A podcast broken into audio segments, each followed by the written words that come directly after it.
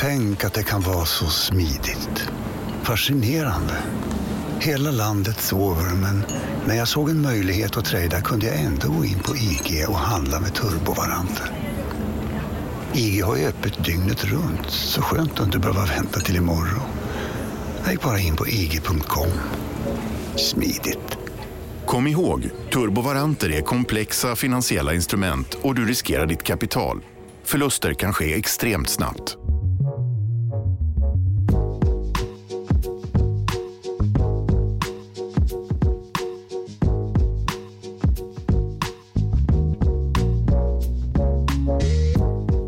Från att ha varit en auktoritär ledare förvandlades Rysslands president under vårvintern 2022 till en människorättsförbrytare och diktator som inte bara jagade fiender utan också förrädare på ett sätt som bara kunde kallas totalitärt.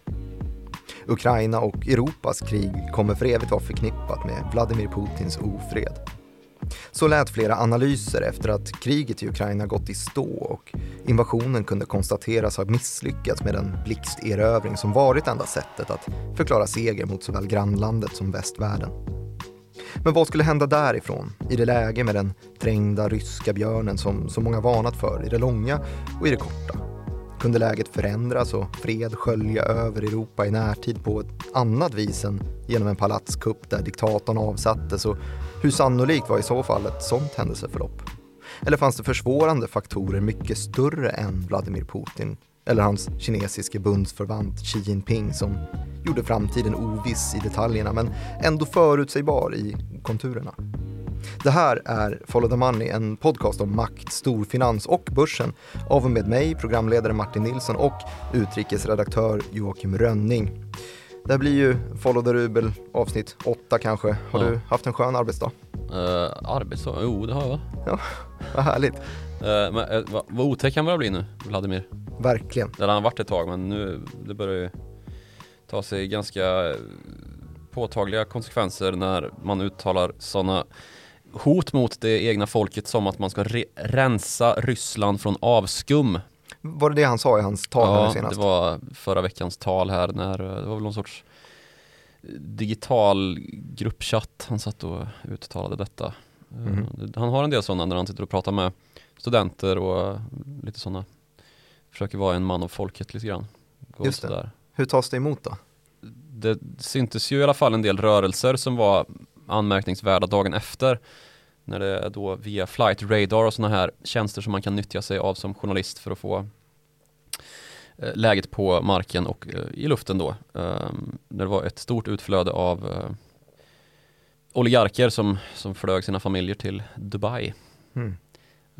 i sina plan.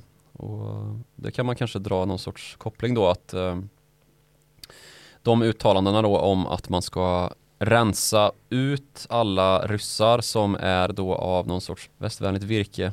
Det är ju frågan om vad som ska kategoriseras som just västvänligt virke då. Så att det var väl en del som kanske tog det säkra för det osäkra och flög bort familjerna. För det har ju funnits vissa västvänliga människor som har hållit upp skyltar och protesterat lite överallt. Ja, det ska man väl kanske inte blanda ihop med oligarker. Nej, så verkar det ju. Nej, men eh, repressionen i, i Ryssland har ju varit eh, otroligt stark, måste man ju säga. Det finns ju filmer på folk som står och inte ens, alltså håller upp en skylt med jag ska köpa mjölk och blir gripna, typ. Mm. Tar ju allt som rör sig, som ser ut att vara en nej-sägare till kriget, för det är ju det det handlar om då. De som är västvänliga, eller som av västligt virke då, det är ju de som är emot eh, kriget. Och det här kom då efter att man bannlyste ord som inget krig eller Ukraina och sånt där på. Ja, det var ju så repressionen började kan man ju säga, att man förbjöd då att samlas i folkgrupper och protestera mot något överhuvudtaget. Och det är ju också förklaringen då till att man kan eh, ja, gripa folk som ska köpa mjölk. Så, så när faller Putin då? Ja, nu, det går ju inte överhuvudtaget att utröna utifrån det här. Det, det är ju att gå alldeles för långt att säga att oj vad folk protesterar nu och det tyder på att vi kommer se en palatskupp här inom kort. Och jag vill gärna dra tillbaks klockan till 30-talet när eh, en i tidigare samma roll då som, som Vladimir Putin uttryckte sig med dylika glosor om vad man skulle göra med folk som var förrädare, nämligen Josef Stalin. Just det. För det här som Putin säger nu, det är liksom ingenting som Ryssland är det är inte första gången något sånt händer i Ryssland och då pratar vi om den stora terrorn eller den stora utrensningen. Ett händelseförlopp då som tog sin början på 30-talet när Stalin då 1934 bestämmer sig för att nu ska vi genomföra en utrensning av partimedlemmar som inte anses vara i linje då med vad centrala kommittén anser om eh, kommunismens framväxt och fortsatta leverne i, i Ryssland. Eller Sovjet då som det ju hette på den tiden. Och då var det arbetsläger som var destinationen. Ja, precis. Man har ju då i Ryssland på något vis ändå försökt göra upp med den här tiden. Och det började ju egentligen redan när, när Stalin dog på 50-talet. Att han efterträddes ju av Nikita Khrushchev. Och han då började ju prata om den farliga personkulten som var Josef Stalin och försökte liksom lite grann skriva någon sorts vitbok över vad som, alltså de, de förbrytelser och den enögdhet då som färgade partiet och Sovjet under de här åren. Som ju egentligen fortlöpte under de 20 år som var kvar av, av Stalins styre eh, från det att utrensningarna började. Det var ju miljontals personer som, som försvann och sattes i läger. Så hur, hur försvann Stalin egentligen? Ja, precis. Det är ju det som det blir eh, den intressanta slutsatsen då av att eh, börja prata om Okej, okay, Stalin eh, gick ju i krig först efter att uh, utrensningen hade börjat då. Utrensningen började 34 och andra världskriget började ju flera år senare. Putin verkar ju ha gjort tvärtom då om man ska lyssna på den här att man ska rensa ut förrädarretoriken som man kör med nu.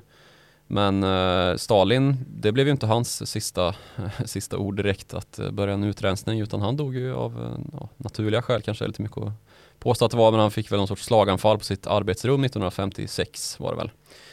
Ja, det behöver ju inte bli så att totalitära ledare och diktatorer faller av folktribunalen eller att, att det blir en revolution eller en just palatskupp då att de egna leden gör rokad och avsätter nämnd diktator utan det betyder just ingenting att man vidtar sådana här folkrättsvidriga experiment då som, som Vladimir Putin nu verkar ge sig ut på då.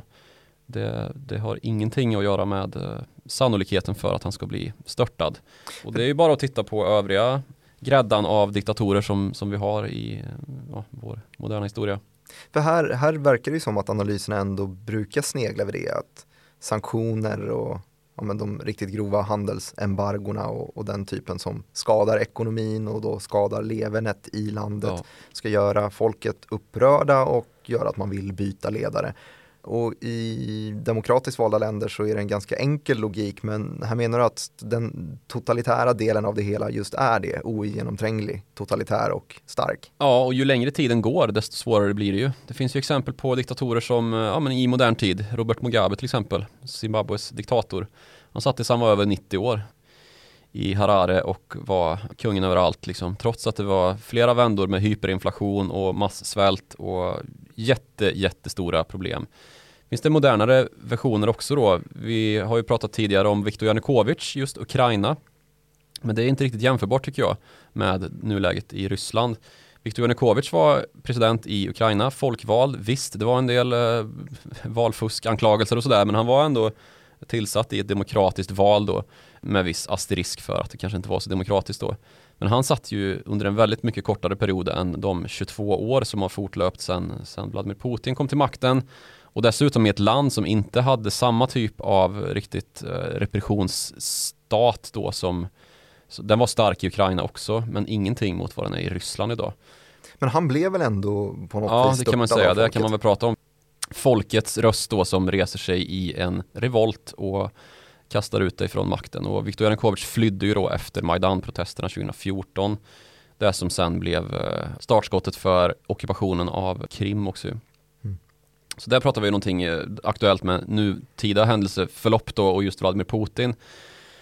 Men om vi ska prata andra diktatorer så Nicolas Maduro i Venezuela, ett ypperligt exempel på en diktator som inte har fått sitt land att fungera särskilt väl, snarare fått att liksom eh, förvandlas till en ekonomi som det var för 50 år sedan. Och som dessutom har haft en oppositionsledare emot sig som har varit stödd av väst väldigt tydligt, men som ändå klamrar sig kvar vid makten. Liksom. Hur lyckas de göra det där egentligen? Är det då repressionskraften? Ja, det är väl det. Och eh, att ju längre tiden går så blir ju kretsen av, av rådgivande instanser och hela myndighetssfären väldigt färgad av dig som person. Och det var ju det som Nikita Khrushchev då pratade om när han kom till makten efter Stalin. Att eh, ja, den här personkulten var nog inte så sund egentligen. Att eh, kamrat Stalin var, han var ju hela den eh, sovjetiska doktrinen var ju vad han kände för dagen liksom.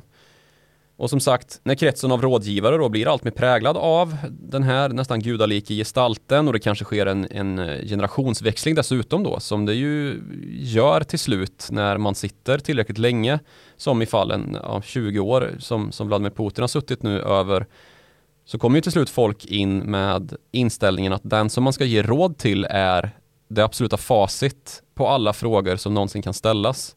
Och det har vi ju sett en del tecken på också ju och korruptionen är ju där som allra starkast när den här kretsen då blir allt mer rädd att säga någonting annat än det som faller den gudalike diktatorn i smaken.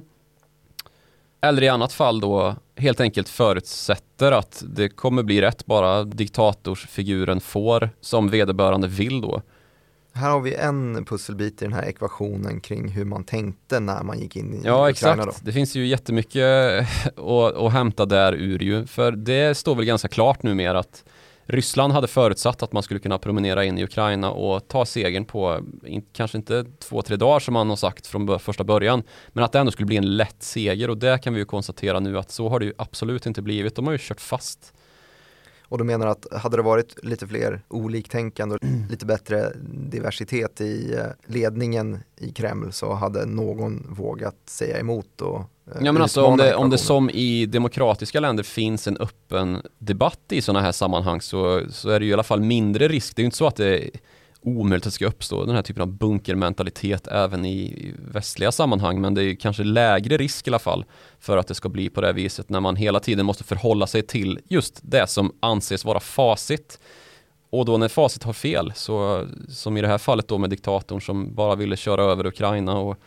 och införliva eh, grannlandet och broderfolket med det egna så, så kan det ju gå så här snett. Och det är väl just baksidan med den här korruptionen som ju gör att de är rätt underlägsna i att fatta beslut. Det ser vi ju i mångt och mycket, även i världsekonomin i stora drag. Och vi har pratat jättemycket om vilket övertag demokratier och liberala kapitaliststater har i jämförelse med totalitära kommunistländer och övriga autokratiska statsskick vad det gäller innovation och så här. Och det går ju en, en rät linje eh, mellan de två problemen skulle man ju kunna hävda då när man tittar lite bredare på det här ur just det gamla sättet att se på världen som ett bipolärt fenomen nästan, den här järnridån som vi har ställt upp då i, eh, under kalla kriget. Där det var den liberala kapitalistiska världsordningen med demokratier på ena sidan och kommunistiska, eh, autokratiska diktaturer på den andra som styrdes av, eh, ja, under överinseende av Sovjet eh, först och främst men även då Kina eh, mm. som en liten del som ju då var en mycket, mycket mindre del än vad, än vad det är idag. Men den här trovärdigheten måste ju ändå ha blivit kantstött, den här gudabilden måste ha blivit lite skadad när man då inser att det har blivit ett felsteg i det här. Har man tillräckligt kapital från Putins sida nu för att till exempel genomföra en utrensning eller har han tagit det i fel ordning? Ja, det, det, är ju som sagt tvärtom vad, vad Stalin gjorde. Han körde ju utrensningen först och sen börjar man bli den här eh, uh, gudalike gestalten. Och det, jag vet inte om man kan kalla Putin för en gudalik gestalt ens i ryska ögon. Det finns ju sådana här ungdomsklubbar nästan av uh, hackerarmé och uh, att man ska göra honom lite cool och spexig. Det finns MC-gängs uh, stöttande fraktioner i det ryska samhället och han gillar ju att rida runt på sina hästar och björnar i Bar Uber och sådär. Men det är nog ganska mycket ett spel för galleriet att vi i väst ska underskatta å ena sidan och å andra sidan då att eh, det ska framträda ett skimmer då av att han ändå är en populär figur i Ryssland. Och nu tillstöter ju då det här läget där statsapparaten måste ta i ännu mer med hårdhandskarna vad det gäller som sagt repression men också då i den digitala världen med eh, moderna medier. Ja, den debatten har ju nått Sverige också, huruvida man ska helt bannlysa ryska kanaler och media eller om man ska låta dem rapportera och låta folket göra sin egen bedömning. Ja, det är väldigt svårt det här alltså. När man börjar använda det fria ordet, alltså yttrandefriheten, för att gå emot demokratin då som den yttrandefriheten bygger på. Det har vi sett ganska mycket spår av i det västerländska samhället de senaste åren också ju. Men om man kommer tillbaka till kriget då och, och liksom Vladimir Putins eh, liv och leverne som diktator över Ryssland så är det ju långt ifrån lätt att hitta ett case där han ska vinna det här. Och det, det, har det ju egentligen varit ända från början eftersom att det blev klart ganska tidigt att han har ju haft, eller de, Ryssland och Kreml har ju haft helt fel i sin bedömning då av att det skulle gå lätt att köra över, man skulle nästan välkomnas av lokalbefolkningen som skulle, som skulle vilja att eh, ja, bli av med den nazistoida regeringen ifrån Kiev då. Så det här liksom läget där, där Ryssland skulle kunna bli en vinnare på hela den här utvecklingen, den är ju borta känns det som. Just nu så finns det ju bara massa förlorare i det här.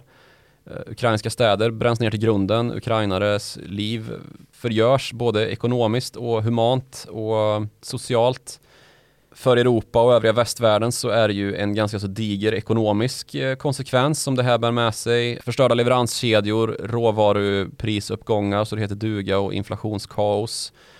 Och sen för Ryssland då om man ska komma ner hela vägen dit till uh, gärningsmannens konsekvenser eller vad man ska säga så handlar det ju om att Rysslands anseende i världen kommer ju även om det skulle nu bli så att uh, vi landar i någon sorts statskupp med en ett avsättande av Vladimir Putin så är ju Ryssland inte annat än att anses som eh, skyldig till det här, ut, den här utvecklingen.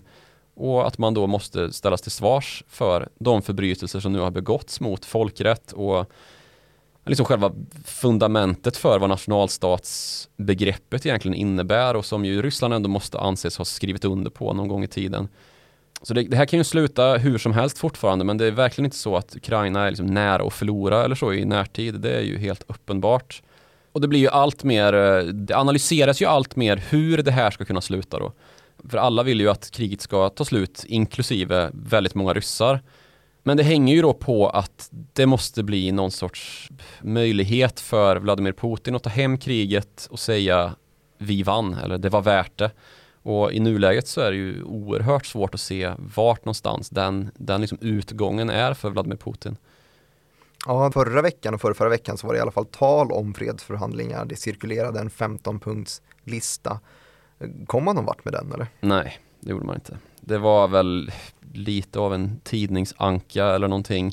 Financial Times då som rapporterade om att det fanns en 15-punktslista som då hade framställts och där många av kraven som den här 15-punktslistan eh, innehöll var vad som behövdes för att skapa någon sorts vapenstillståndsavtal.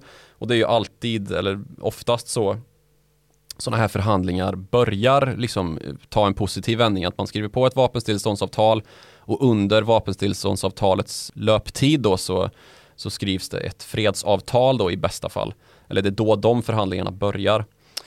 Men så blev det ju inte nu då, utan det här bollades ju fram och tillbaka och sen så kom det väl fram någon sorts konsensus om att eh, nej men Ukraina har ju inte liksom gått med på någonting och Ryssland har ju bara liksom lagt fram förslag som, som anses helt orimliga från Kievs sätt då. Så, så nej, det, det var ju ingen, eh, inte mer än ja, någon sorts luft i det där avtalet som ledde till att börsen steg med 4 procent eh, under dagen.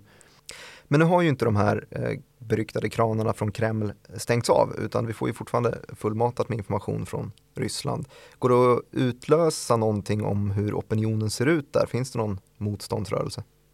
Det är ju jättesvårt att dra några slutsatser såklart men det här att oligarker flög iväg sina familjer kanske kan tala någon typ av språk. Um, men samtidigt så är det också väldigt svårt att analysera utifrån att oligarker sällan är särskilt bra polare med varann och liksom inte drar jämnt överlag. Utan att det nästan har varit som ett liksom Game of Thrones i oligarkväsendet om man nu ska göra det till en bransch. Ända sedan Putin blev vald till makten. Och när han blev vald till makten så var det väl en stor grej här att oligarkerna får fortsätta vara oligarker mot att de inte har något politiskt inflytande. Ja, precis. Och så var det ett fåtal, eller en, som bestämde sig för att jag går inte med på det. Jag tycker ändå att Ryssland ska väl gå mot någon sorts demokratisk framtid och så blev han kastad i fängelse i Sibirien i åtta år, Mikhail Khodorkovsky som jag pratat om tidigare.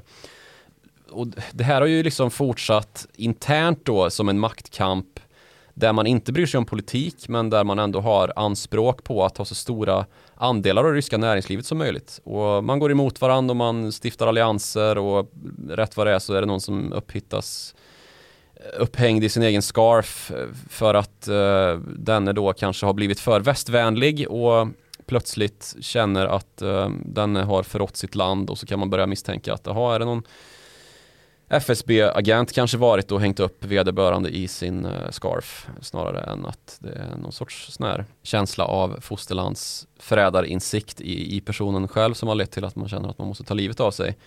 Um, så det är, alltså oligarkerna och deras nästan klanstrider är en saga i sig.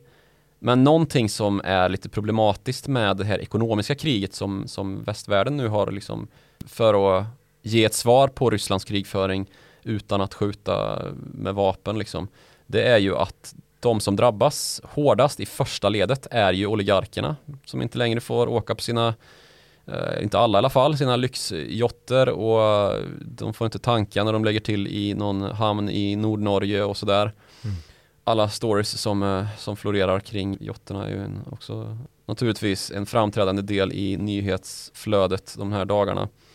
Men när det blir på det viset då så, så tenderar ju oligarkerna snarast att sluta sig samman och se ett gemensamt lidande som någonting som faktiskt kan skapa lite borgfred som man brukar kalla det i politiska situationer där, där opinionen och de som sitter vid makten helt enkelt bestämmer sig för att nej men nu får vi se till att lägga alla konflikter vid sidan av här för nu har vi en fråga som är viktigare än allt annat. Det kan ju vara en pandemi till exempel eller en, eh, ja, ett krig. Att man ingår samlingsregeringen plötsligt för att kunna styra landet utan att gå så mycket i polemik kring sakfrågor utan det finns en fråga på agendan som tar över allt annat. Och för oligarkerna så blir det ju exakt det som, som sker då när en sån här sak drabbar dem, att de plötsligt inte har Amex-kort som går att, går att spendera fritt med längre och de kan inte tjäna pengar på sina verksamheter utomlands och blir bandlysta helt enkelt, de får inte ens resa med sina pass.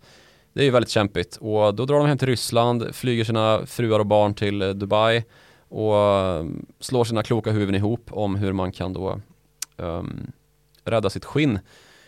Då kan man undra hur kan det bli på det här viset? Eh, nästan som vi sa MC-gäng som eh, för strider brukar ju inte liksom bara för att polis genomför en kampanj för att krossa MC-gängen slå sig samman och, och börja göra gemensam sak på det sättet och det stämmer ju men här är det ju så att deras största mardröm är ju att Vladimir Putin skulle tappa greppet och falla av pinn eller bli av med makten. Eftersom att det är just hans system som har rättfärdigat och möjliggjort deras eh, ekonomiska vinster och sätt att styra näringslivet i Ryssland och begå den här kleptokratiska utvinningen av ryska tillgångar då, alltså man, själv, man har stulit landet och skeppat iväg det och sitter på vinsterna själv på en lyxkryssare i Medelhavet eller Svarta havet eller vart man nu sitter. Så de är ju livrädda för att det ska bli på det viset att, att Ryssland blir besegrat av antingen en oppositionell inre splittring eller att eh, helt enkelt byts diktator eller att det tillkommer ett militärstyre eller någonting sånt här. Så det är ju en ganska så fundamental anledning till att Ryssland inte splittras internt mer än vad det gör och att inte fler oligarker då vågar ta avstånd från Putin än vad som hittills har gjort det har ju varit ganska så i lönndom och det är någon som har lagt ut en bild på Boris Nemtsov, den gamle oppositionsledaren som blev mördad utanför Kremls murar. Något han gör varje år på hans eh, dagen för hans död. Så, så det är liksom inte inga jättestora grejer. Man har också hänvisat till Oleg Deripaska som brukar kallas för metallkungen som har också eh, vädjat om förhandlingar och fred. Men det är ju liksom inget inget oppositionellt i det egentligen och de har varit, vilja ha fred. De har varit för, för splittrade tidigare men ju, ju stramare ekonomin blir så för det oligarkerna eh, samman. Men stora problemet är där att även om de går ihop och blir en maktfaktor så går, strävar de snarare mot ett nytt totalitärt styre av något sätt eller att rensa upp och hjälpa Putin få grepp igen. Ja, det, det, det lutar väl åt det. Om man bara följer logiken liksom att utan Putin så har de inte rätten att bete sig på det viset som de gör. De har inte rätt till sina stora andelar i den ryska ekonomin liksom. Och mm, då faller ju inte bara Putins verklighet med honom själv utan med oligarkerna. Och det blir ju, det blir ju som ett uh, domedagsscenario för hela det ryska näringslivet så som det är, är upprättat idag då, om man tänker på storbolagen och oligarkerna. Och hur skulle ett fredsscenario se ut istället då? Som sagt, det, det här blir, det blir bara spekulationer av det, men Kina och Ryssland har ju slutit sig samman här i en period av amerikansk nyallians. Det, det, går ju inte en dag utan att Joe Biden står och pratar om att USA och dess allierade och partners på ett sätt som absolut inte var tongången under Donald Trump har nu bestämt sig för att man ska ja, driva politik i världen på ett sätt som inte känns igen då från de fyra år som, som var innan.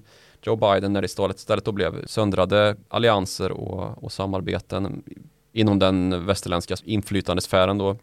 Men här har vi ju eh, bytt fot lite grann, för tidigare så har ju scenariot varit att Ryssland och Kina inte alls är så pass nära varandra som media har beskrivit. Ja, det, det stämmer fortfarande menar jag. Det, det, är bara det att Ryssland och Kina har slutit sig samman då i, i den här perioden av amerikansk delans just på grund av att man har USA och eh, väst som gemensam fiende då. Och det har ju inte liksom, deras interna konflikter, de, de läggs lite som hos oligarkerna då åt sidan när man har en så pass stark fiende som man måste bekämpa då. Och för oligarkerna så är fienden vem som helst som eventuellt skulle kunna ta makten efter Vladimir Putin. Och för Kina och Ryssland då så är ju fienden väst helt enkelt. För USAs prat då om, om det här samarbetet med allierade och partner i hela världen, det uppfattas nog som ganska polariserande och exklusivt, eller inte bara nog, utan det gör det. Att USA liksom har makten att välja sina allierade och att Kina inte är, vill eller kan vara en del av den sfären, precis som Ryssland det gör att de behöver egna allianser och då är, finns det inte så många andra att titta på när man pratar liksom världsmakter än att titta på Moskva från Pekings sätt och på Peking från Moskvas sätt. Och det är ju därifrån som den här alliansen springer då liksom.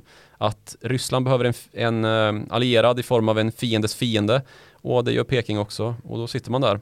Så hur yttrar sig den? Vad, vad kan man komma överens om?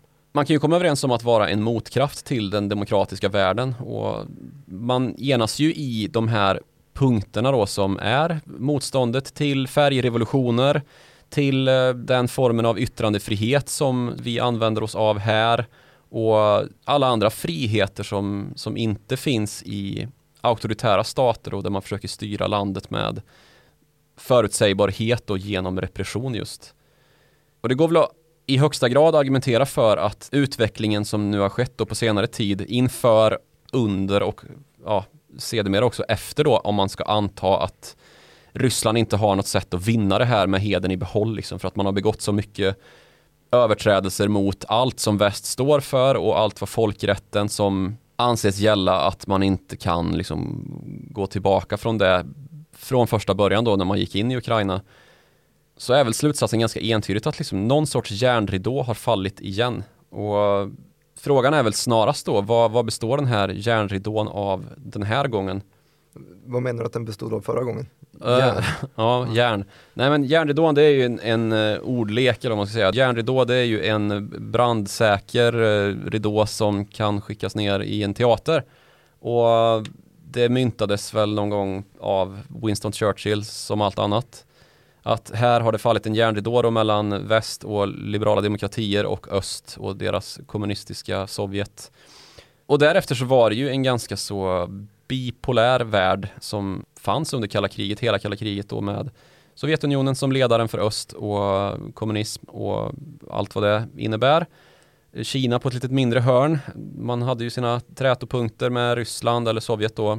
Men eh, gick ändå på det kommunistiska spåret. Och i det här så fanns det ju någon sorts förutsägbarhet då. Att eh, det finns militära doktriner, ekonomiska doktriner och politiska doktriner på varsin sida om den här järnridån. Då, en 7000 kilometer lång gräns som ju egentligen gick genom hela Europa. Numera så, så blir det ju inte en järnridå som går genom Europa bara liksom, utan det här blir ju en gräns som blir ytterst diffus på, i hela världen. Så vilka allianser har vi? Vilka uppdelningar går? Var, var skulle det lägga sig Indien i, i, det hela? Nej, precis. Indien är ju ett jättebra exempel på ett land som, som ju inte är på ändra sida eller överhuvudtaget går att passa in här. eftersom att man är dödsfiende med Kina man är, eh, har inget liksom kulturellt eller egentligen ekonomiskt historiskt samband med Ryssland som är utöver vad det borde vara med något annat land. Liksom. USA är deras största handelspartner och väst är ju naturligtvis mycket, mycket viktigare sett till ekonomi och, och export än vad många andra länder är och framförallt Ryssland då. Och så har man ju dessutom Pakistan som en, en annan fiende. Men här finns det då istället ett militärt utbyte, att man handlar väldigt mycket vapen ifrån Ryssland och då kan man tänka sig, men kan inte väst då komma in och bara säga, men ni får handla vapen av oss istället. Vi kan hjälpa er att utveckla missiler som ska skjuta till Peking. Men då är problemet att om man tittar på kartan istället helt geopolitiskt eller geografiskt att då blir ju om nu Ryssland skulle vända och bli en fiende till Indien så, så har man, man helt omgiven av eh, fiendemakter, alltså Pakistan i väst man har Kina i öst och så um, Ryssland eh, norrut då som en, en jättemaktspelare som, som vill Indien något, något ont. Så då beror det på sådana saker istället liksom. Att man vill inte starta ett, ett trefrontskrig direkt. Nej, och då är väl kanske inte krig det liksom största hotfulla scenariot i första, första hand, men då om man överger den här alliansen man har med Ryssland i form av vapenutveckling så finns det väl större vikt hos, hos eh, Ryssland då att ansluta tydligare till Kina och säga att äh, vi skiter i Indien nu så, så kör vi med er istället helt och hållet. Då blir ju det en lättnad för Peking naturligtvis eftersom att man inte ser ut att kunna utveckla några kärnstridsspetsar som kan nå hela vägen till Peking och ha det hotet liksom. Så kan man göra erövringar i de här gränsregionerna i Himalaya och hitta nya angreppssätt mot att liksom attackera väst med i eh, diplomatiska led för att, för att rättfärdiga då att man ska ta maktgrepp i olika frågor och liksom ha rätt till det och skapa en opinionsbild som är positiv för Kina. Det är ju svårare när man inte kan beskylla väst då som ju alltid är den kategoriska fienden i Kina då att eh, det här är ju faktiskt ryska vapen som ska nå hela vägen till Kina och Ryssland är ju våra allierade så det blir ju knepigt liksom. Så det finns en massa multipolära då, eh, problem med eh, den världsordning som nu stöps och det kommer inte bli lika lätt som att säga att ni är på den sidan om järnridån och vi är på den här sidan om järnridån och ni har det systemet och vi har det här systemet. Utan eh, ja, Indien, världens största demokrati, har plötsligt satt sig på tvären mot eh, å ena sidan Kina, å andra sidan väst och å tredje sidan Ryssland. Samtidigt som man är allierad med i alla fall två parter då, Ryssland och väst. Så det blir ju oerhört komplicerat att analysera de här frågorna i förlängningen och se vart någonstans det här är på väg med eh, hela den världsordning som, som liksom nydanas undan för undan i den här utvecklingen som nu har tagit fart efter att uh, Ukraina invaderades då och världsordningen ställdes upp och ner. Du beskrev ju uh, Sovjet som nyckelspelaren i den gamla världen på den sidan järnridån och att Kina var en hörnspelare. Är det tvärtom nu då istället att det är Kina som får bestämma farten och takten och riktningen och de andra länderna omkring som får haka på om de vill? Ja, definitivt. Och vilket uh, håll går Kina då? då? Det, det, är ju en väldigt intressant fråga då, för Kina är ganska känt för att kunna byta fot, även om det är en, en autokratiskt styrd stat då. Vi har ju till exempel då Himmelska fridens torg massakern som ett, ett bra exempel på där Kina har bestämt sig för att oj nu, nu har vi nog eh, förtagit oss i våra försök att vara just repressiva och vi måste nog lätta lite för att kunna nå framåt med vår, vårt samhällsbygge här och då bestämde man sig för att ta steg mot väst för att undgå då att tryckkokaren skulle explodera. Och den tryckkokaren bestod ju då av studenter som ville någonting annat, ville ha liberalisering, ville öppna ekonomin och då gick man ju liksom till hälften till mötes då. Och det har ju varit liksom själva grunden för det ekonomiska mirakel som sen blev Kina, eh, moderna Kina då under 90, 00 och eh, 10-talet ända fram till idag då. Men om man ska bedöma liksom nuläget utifrån den historien så, så finns det ju en del rätt så ogynnsamma tecken på att Kina skulle liksom, ja, byta fot.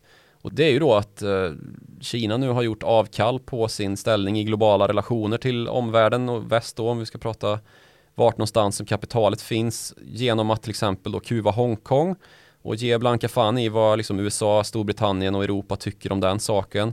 Samma sak med uigurerna i Xinjiang och människorättsfrågorna. Finns ju väldigt få tecken på att Kina ska göra liksom någonting annat än det man har föresatt sig eh, i den frågan. Och dessutom så har det liksom gått så långt som att de egna ekonomiska intressena skadats direkt då genom utpressningen som man har genomfört mot Australien, alltså handelsembargo mot eh, världens största exportör av kol och där är Kina världens största importör. Så att det är ju liksom en vara som man helt har bestämt sig för att eh, bannlysa import av från den största exportören. Det blir ju ganska stora ekonomiska konsekvenser för Kina som man hade kunnat vara utan om man bara hade bestämt sig för att liksom, ja, gå någon sorts diplomatisk linje som var lite mer tam än den som, som nu har vidtagits. Och det gäller ju hela Stilla havet där det liksom fäktas nu då med olika militära satsningar och det här AUKUS-samarbetet med Australien, Storbritannien och eh, USA i form av ubåtar och nya marinbaser och sånt här för att stävja en del oroligheter som då piskas upp av Kina i fråga om Taiwan och Sydkinesiska havet och runt om då att skapa ett herravälde som kringliggande länder inte överhuvudtaget bekväma med. Det beror ju på att Kina är en så mycket större makt idag än vad man har varit tidigare. Att man kan bete sig på det här viset. Att man har råd att upprusta sin militär på det sättet som behövs för att kunna ta en sån maktposition. Och det är definitivt så ja, att eh, Ryssland är lillebror till Kina i, i den eh, ekonomiska världen. Sen så vill man ju knappast vara i den eh, diplomatiska liksom, maktvärlden. Och där har vi ju ytterligare ett problem då i vart någonstans den här världsordningen är på väg. Att om man ska börja kalla det för tripolär värld och att vi har väst å ena sidan, Ryssland och Kina och andra som två enskilda men allierade strukturer så är ju kärnvapnen ett ytterst stort problem med att få till någon varaktig förändring i den multipolära värld som vi nu lever i då. Men, men hur sannolikt är det egentligen att Kina väljer att knyta så pass starka band till Ryssland som vi resonerar kring här och att man vill väl fortfarande ha möjligheten att utvidga sidenvägen, handla med väst, handla med Europa för att fortsätta den här tvåsiffriga tillväxtresan. Mm, det är ju balansgången just nu och det är väl fortfarande därför som man är ganska så försiktig. Man har inte valt att skicka några vapen till Ryssland för att strida med Ukraina och det är väl lite av en röd linje att eh, händer det så får vi se vad det tar för vändning därifrån. Men det är ju inte alls omöjligt att det å ena sidan knyter Kina samman med Ryssland tydligare och samtidigt då att sprickan mot väst blir ännu tydligare och man har ju redan lovat då att det kommer kraftfulla sanktioner från väst om, om nu så skulle bli fallet.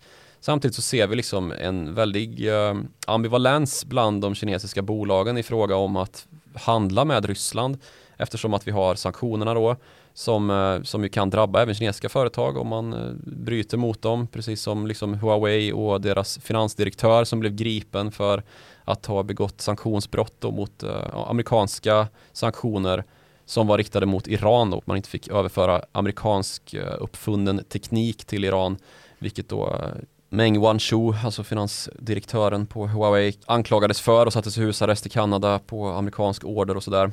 Så det finns ju liksom en medvetenhet om det här i Kina. Och det blir dyrare och dyrare att knyta band med Ryssland ju mer den regimen går åt det totalitära hållet. Ja, det, alltså det finns ju mindre och mindre att vinna på det i alla fall. Man, kan inte, man kanske ska vara lite försiktig med hur man lägger orden där men det är ju ungefär som att Ryssland nu håller på att förvandlas till Nordkorea och det är ju en resa som kommer ta väldigt lång tid eftersom att det är ett så pass mycket större land och man börjar från en helt annan nivå än vad Nordkorea gjorde men i det här fallet så är det ju definitivt så att om Sovjet i början på 50-talet försökte liksom ta Kina lite grann under armarna och visa vägen så var ju Kina inte då särskilt sugna på att de skulle göra det, vilket slutade i eh, konflikt och i det här läget så finns det ju samband som gör att man kan, nog kan tro att Ryssland inte är särskilt sugna på att bli uppburen av Kina på det sättet som man själv försökte bära upp Kina på efter andra världskriget.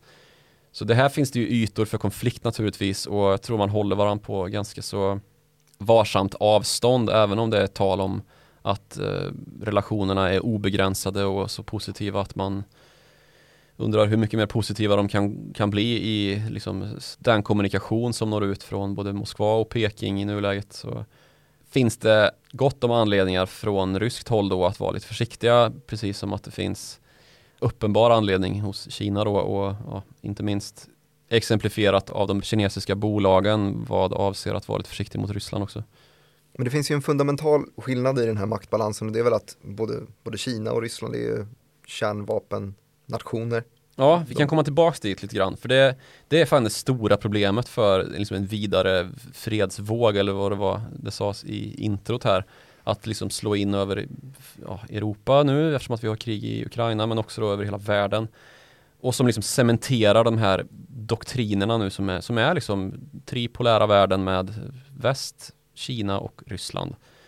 För det är ju då att i den här kärnvapendoktrinen som man ju nästan får gå till då för att, för att kalla det vid dess rätta namn, som ju nu har fått en väldigt mycket större del av hela världens medvetande sen, sen Vladimir Putin började prata om att han hade satt eh, arsenalen i högsta beredskap och att det plötsligt inte verkade vara en särskilt osannolik utveckling att det skickas en del kärnvapen in mot Ukraina kanske vad det lider.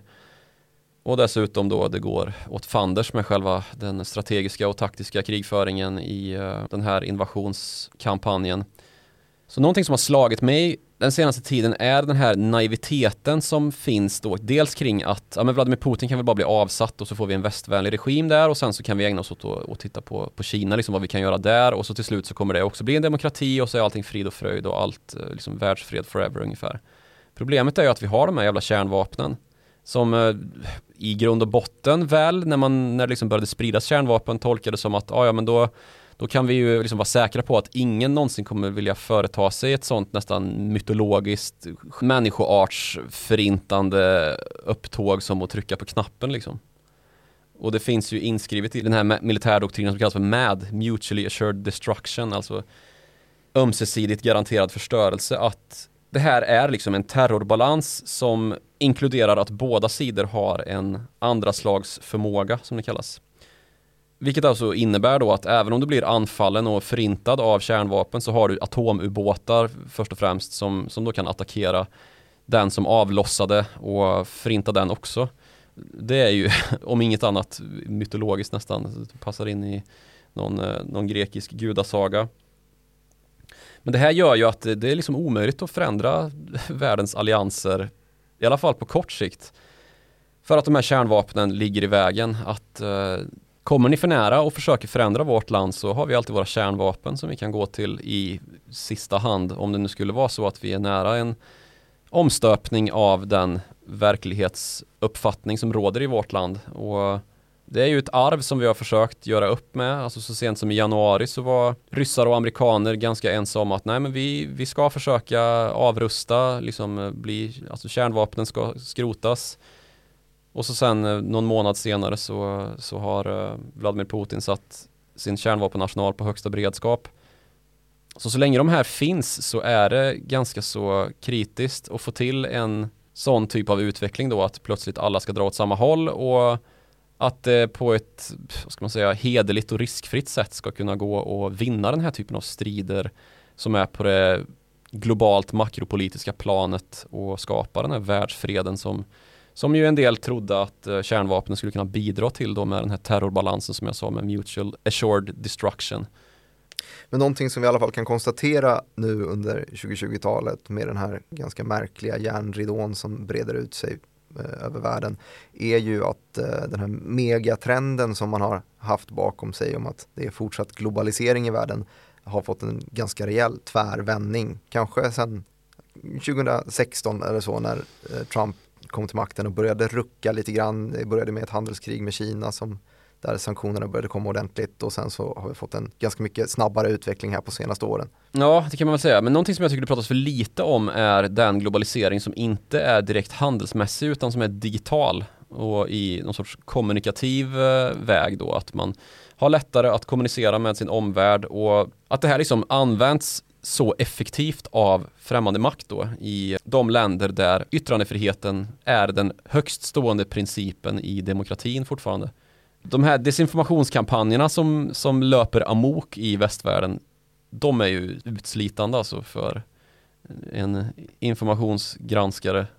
Ja men det märker man i alla fall att det är väldigt svårt att hantera dem. Eh, från mm, bara svensk sida så är det ju ganska många olika fall av att man har återrapporterat det som man senare sen har märkt att ah, nej, men det här var ju en det var en lögn, det var ju en desinformationskampanj. Vi kan ju ta ja, men så sent som Kina och Xinjiang-provinsen innan man lyckades reda ut vad det var för någonting så var det public service media som eh, haft svårt att greppa. Det tog några veckor innan man hade eh, fått rätt vinkel på historien men fram tills dess så rapporterade man vad som kom från kinesiska statsmedier och gav en ganska märklig bild av det hela. Samma sätt har vi sett rapporteringen om eh, Ryssland och Ukraina nu också, att det mm. är ett minfält av vad man kan återge. Men samtidigt så tjänar man pengar på att rapportera det så snabbt som möjligt såklart. Eh, så att man vill ju göra det, men det kräver ju att man kan sin källkritik och det är fruktansvärt svårt. Ja, det är väldigt svårt och det är förvirrande mycket information och nu i kriget då dessutom så är det ju två sidor som sprider propaganda och, och desinformation. Uh, I Xinjiang, nordvästra Kina och uigurerna, där var det ju ja, lite slappt kanske. Uh, om man ska vara, ta på sig sin kritiska hatt. Mm. Om man tar på sig en annan hatt så kan ju den vara folie och man kan tillskrivas liksom olika budskap som, som skickas ut på mörka nätforum. Qanon till exempel har ju varit en sån som har löpt amok med väldigt mycket stöd från Ryssland. Och de här lögnerna då, som från ytterkanter är ju högst bidragande till politiska händelser som är högpotenta och som stör den demokratiska ordningen, inte minst i USA ju, som är dramatikens förgrundsfigur av nationer. Där vi hade stormningen av Kapitolium i januari 2021. Det var ju liksom en, en högst påverkad händelse av den här desinformationen som, som nått in där. Sen så därefter så har vi ju här under våren eller vintern haft lastbilsförarnas protester i Kanada och även i USA då. Och jag hävdar ju inte liksom att det här är idéer eller strömningar som tar sin början i Peking eller i Moskva. Men däremot så finns det en tydlig liksom påverkan ifrån de länderna när väl de här idéerna har slagit rot och fått någon form av drivkraft framåt då. För då är ju inte Kreml och, och Peking sena med att blåsa in lite extra syre i den brasa som redan knastrar liksom. Det finns ett ganska bra exempel på det här ifrån Ukraina där man då i den här Qanon-formen då och Qanon, ska vi förklara det som? En konspirationsteoriklubb kanske. uh, som då livnärde sig på att uh, hävda att Donald Trump var den verkliga vinnaren av valet 2020 och att eh, det var en satanistsekt som hade sett till att Joe Biden hade vunnit eh, på fusk då och att det hela skulle ta en vändning i någon form och det trodde ju de här följarna av Qanon som växte till en miljonrörelse ända fram till, eller det gör de väl fortfarande i viss mån, men det var ganska många som lämnade där när det inte visade sig att Donald Trump typ sprängde podiet och red in på en Vladimir Putin-häst när Biden svors in då till slut.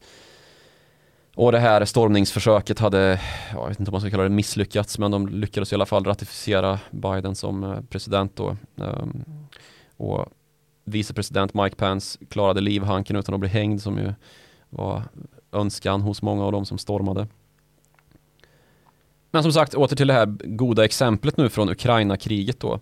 Där det från samma Qanon-krets då kom information om att en av anledningarna till att Rysslands krig i Ukraina är rättmätigt det är ju att USA har upprättat labb för framställning av biologiska stridsmedel i, i Ukraina. Känns som en ganska återanvänd historia. Hur då? då? Ja, men jag tänker bara anledningar till att gå in i krig har ju varit just densamma från amerikanskt håll. Ja, uh, du tänker på Irak. Just det. Ja. Och det är ju naturligtvis så att den, den vinkeln såg ju Ryssland också som en ganska god att uh, fästa lite vikt vid. Och det här slutar ju med att nyhetsbyråer får plocka upp storyn när då Sergej Lavrov, alltså Rysslands utrikesminister, snappat upp det här att nu pågår det ryktesspridning på nätet och spekulationer då om att vår krigföring i Ukraina den handlar om att vi har biologiska labb som är amerikanska inuti Ukraina så han säger ju då naturligtvis på en presskonferens att Nej, men det är inte helt osant. Liksom. Vi har de här labben som är ett stort problem och det är en av anledningarna till att vi måste nå vårt mål då med att kuva USAs kraft i Ukraina och deras hot mot Ryssland och de försöker liksom framställa olika kemiska och biologiska stridsmedel som sen ska användas mot Ryssland. I verkligheten så är ju det här laboratorium som nyttjats för att förstöra och neutralisera det stora lagret av biologiska stridsmedel som funnits kvar då från Sovjettiden bland annat mjältbrand, polonium och novichok och sånt här gött. Så det, är, det här är ju exakt den skolbok som, eh, som vi måste förstå just nu och som förvirrar väldigt många, särskilt då när vi har en bakgrund med Irakkrig och falska anklagelser från amerikanskt håll då om att nej men här finns det ju kemiska stridsmedel som vi måste avväpna Irak och så visade det sig sen att det fanns det ju inte alls det. Verkligen inte på den nivån som, som påstods. Så det här är ett oerhört skickligt sätt att nyttja desinformation och den typen av konspirationsteorier som flödar på internet och som redan har satt stora avtryck i det amerikanska politiska systemets historia eh, genom den här stormningen av Kapitolium. Så man har ju dessutom sett att det har fungerat och inte minst att man lyckades eh, bidra till att Donald Trump blev vald 2016 med den stora sociala mediekampanjen och Cambridge Analytica och Brexit och allt vad det har varit. Så det här är någonting som vi måste få bättre ordning på för den här utvecklingen är ju den del av vår multipolära värld som eh, består av en liksom järnridå i den digitala formen. Att Kina har sin så kallade digitala brandvägg eller the great firewall of China med anspelning på kinesiska muren då naturligtvis. Det passar sig inte lika bra i en rak svensk översättning. Men det är ju då att, att eh, Kinas digitala värld består av ett internet som är statligt censurerat och där allting måste godkännas av staten ungefär. Myndighetssidor och de eh, privata bolag som har sociala medier och dylikt, de måste underställa sig det censursystem som råder i Kina och allting är öppna system som, som eller öppna system, stängda system som staten har tillgång till och, och censurera och ta bort det som inte anses lämpligt då. Och det står då i, i kontrast till den uppgift som eh, vi i väst har här då med en allmänhet som lever med en yttrandefrihet som är helt bergfast. Men där samma yttrandefrihet då används som ett vapen mot den själv. Liksom. Att man vänder yttrandefriheten och kraften i den genom att då föda in en massa konspirationsteoretikers narrativ som någonting som bara måste få finnas ungefär. Trots att det är osant och sponsrat av en fientlig stats propagandamaskineri.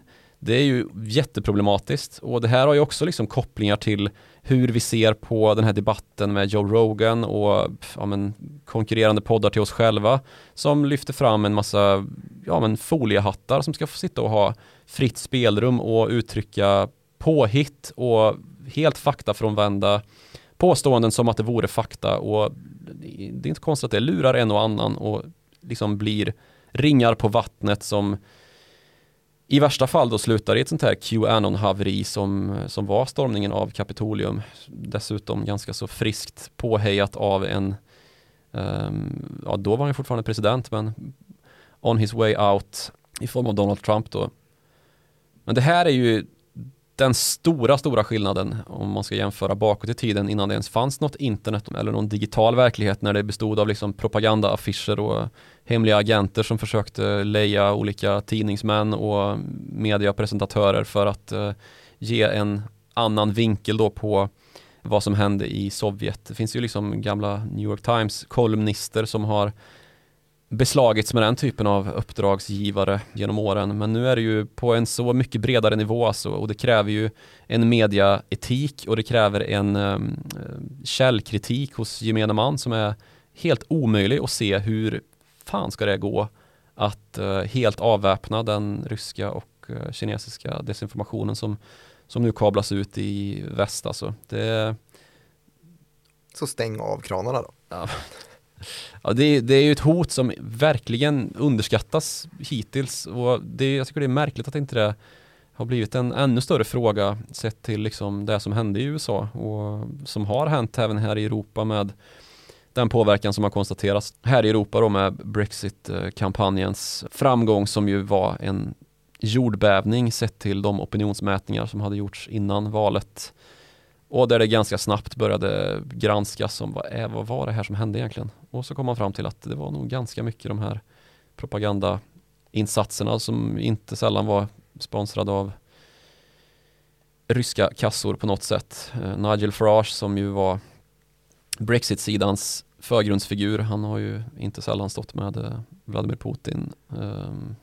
Och kanske ännu närmare i tiden också den gaslobbydebatten som också verkar ha blivit ja, påverkad ju, ja. från ryskt håll. Så den här naiviteten som vi har stått för nu med liksom att, att Kina och Rysslands påverkansoperationer inte gör så värst mycket, eller det kan drabba enskilda men systemet är intakt, liksom, demokratin är starkare än allt. Visst, så, så kan det ju kanske vara.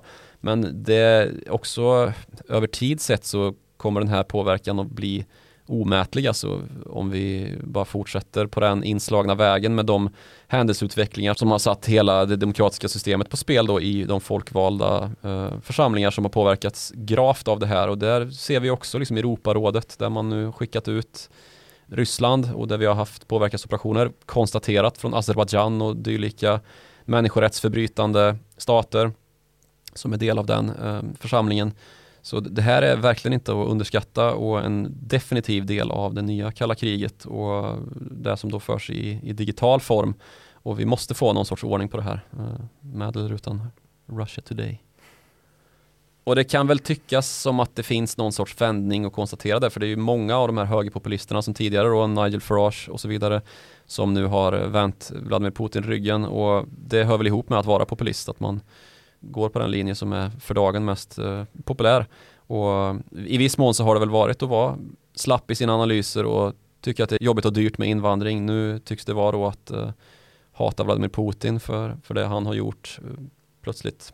Det var det inte alldeles nyligen. Men eh, det finns ju gott om sådana här populistledare som nu helt har gjort 180 och då pratar vi Marine Le Pen och vi pratar Alternativ för Deutschland och Matteo Salvini från, eh, nerifrån eh, Italien som, som nu eh, vänder ryggen till eh, Putin och det talar väl också sitt tydliga språk om att den här polariseringen nu är ganska så bergfast vad gäller eh, den nya järnridån eller vad man ska kalla det den här oberäkneliga järnridån som sänks ner över världen och blockerar handel länder sinsemellan. Men kommunikation verkar ju eh, helt tydligt vara öppen, i alla fall åt vissa håll. En kommunikation som också är eh, öppen tills vidare är ju den till oss. Followthemoney.direkt.se är mejladressen och man kan ju också följa oss på Twitter. Där heter du snabel Joakim Ronning och jag heter snabel Direkt Martin. Ja. Ja, tack så mycket för att ni har hängt med och lyssnat på dagens eh, utsvävande avsnitt och vi är tillbaka igen om en vecka. Vi hörs då.